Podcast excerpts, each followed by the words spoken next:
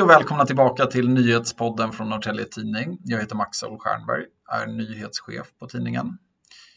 Ja, vi har kunnat läsa om en märklig utveckling i Missionskyrkan i Rimbo det är branschmedier, om det nu är rätt etikett, som varit först med att berätta om en pågående konflikt i församlingen. Tidningen Sändaren var först. De har skrivit under rubriken Uppslitande kamp i Ringbokyrka och den artikeln publicerades 20 december tillsammans med ytterligare två artiklar om den här kampen eller konflikten. Även tidningarna Dagen och Världen idag har följt efter och Eh, de har gemensamt, de här tidningarna, att de har den kristna världen som bevakningsområde. Vi på NT har tittat på den här saken och eh, talat med flera församlingsmedlemmar, för detta medlemmar och företrädare för Ekumeniakyrkan och det är alltså det samfund som Missionskyrkan sorterar under.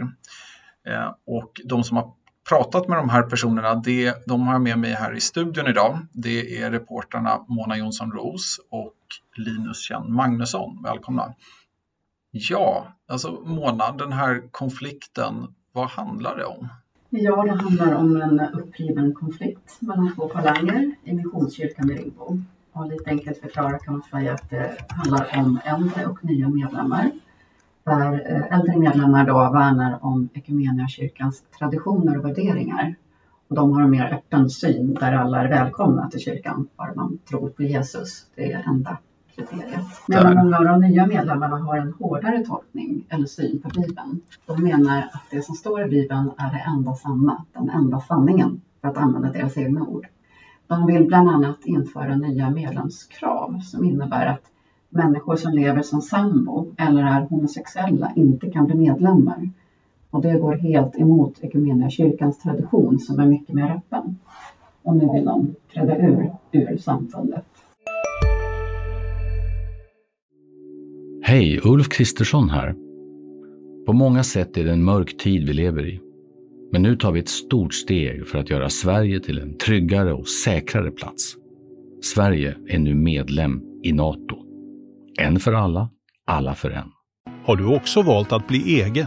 Då är det viktigt att skaffa en bra företagsförsäkring. Hos oss är alla småföretag stora och inga frågor för små. Swedeas företagsförsäkring är anpassad för mindre företag och täcker även sånt som din hemförsäkring inte täcker. Gå in på swedea.se företag och jämför själv.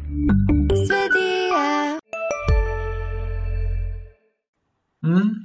Jag tänker att vi tar en liten bakgrund innan vi fortsätter eh, det här samtalet. Och Eh, för de som inte befinner sig i den kristna världen så kan det vara lite knöligt att hänga med. Det är ett par olika samfund och eh, eh, församlingar som man kanske inte har örnkoll på.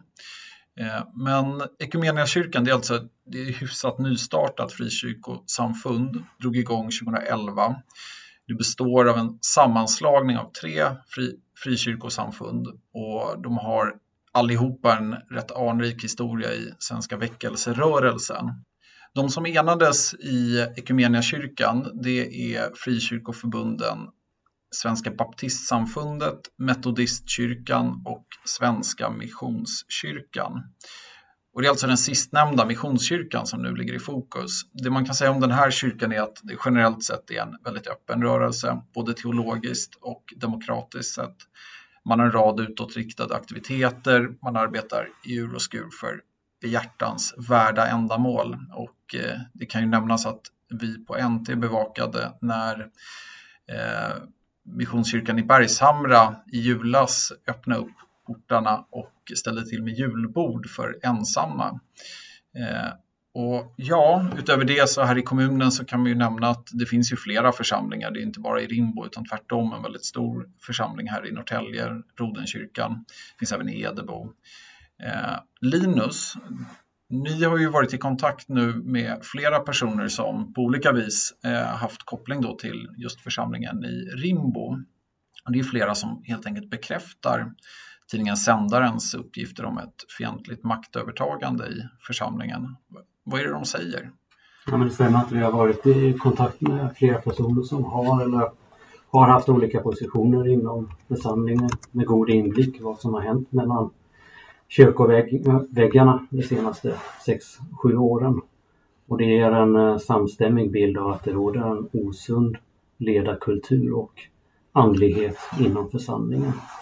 Eh, de menar på att det finns en exklusiv kärna eller en liten sluten gruppering inom församlingen som styr och ställer. Och den här eh, slutna grupperingen beskriver de som vi har pratat med som, eh, som sektliknande. Mm.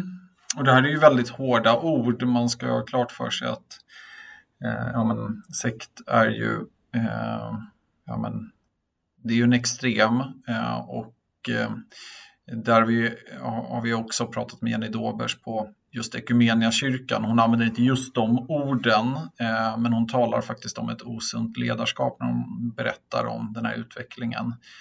Eh, jag tänker Mona, mm, det bråkas ju i många föreningar rent allmänt sådär. Eh, är det här bara vanligt föreningsgroll eller finns det något i de här anklagelserna som, jag tänker på dem ni har pratat med? Ja, det beror på vem du frågar. Vi träffade idag eh, bland annat församlingens styrelseordförande Ulf Persson som menar att den här typen av kroll förekommer i alla föreningar. Eh, men andra personer som vi har varit i kontakt med har, har en helt annan bild. De beskriver att mötena kantas av högt tonläge, att stämningen stundtals har varit hätsk.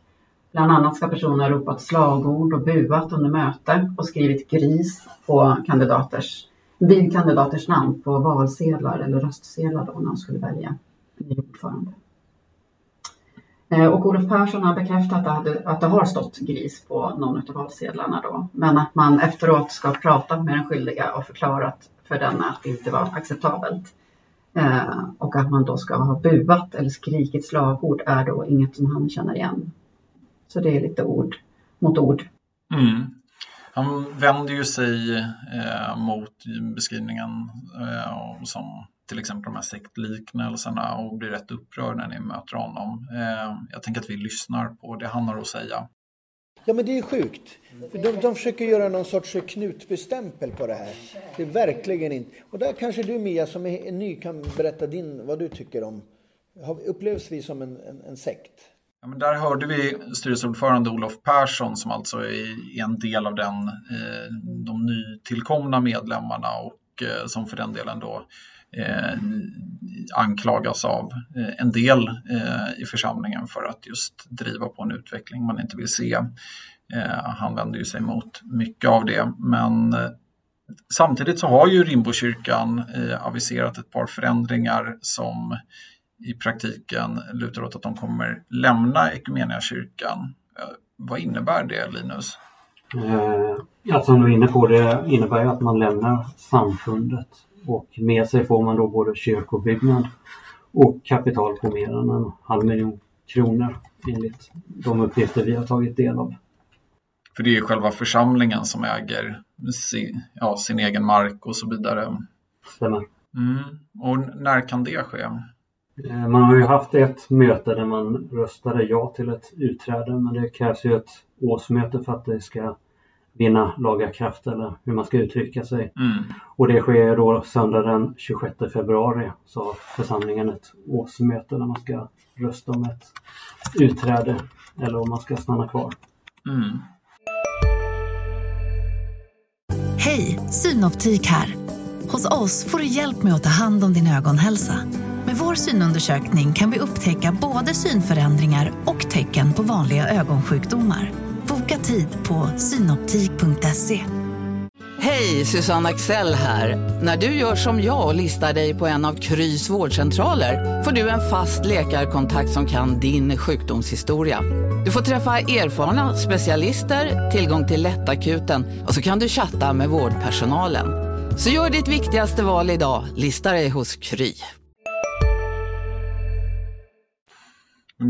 Ni har ju ja, fångat upp det i rapportering att det, det, har blivit en mycket större församling. Vågar ni säga något om utfallet i en sån omröstning? För det är ju församlingsmedlemmar som får rösta.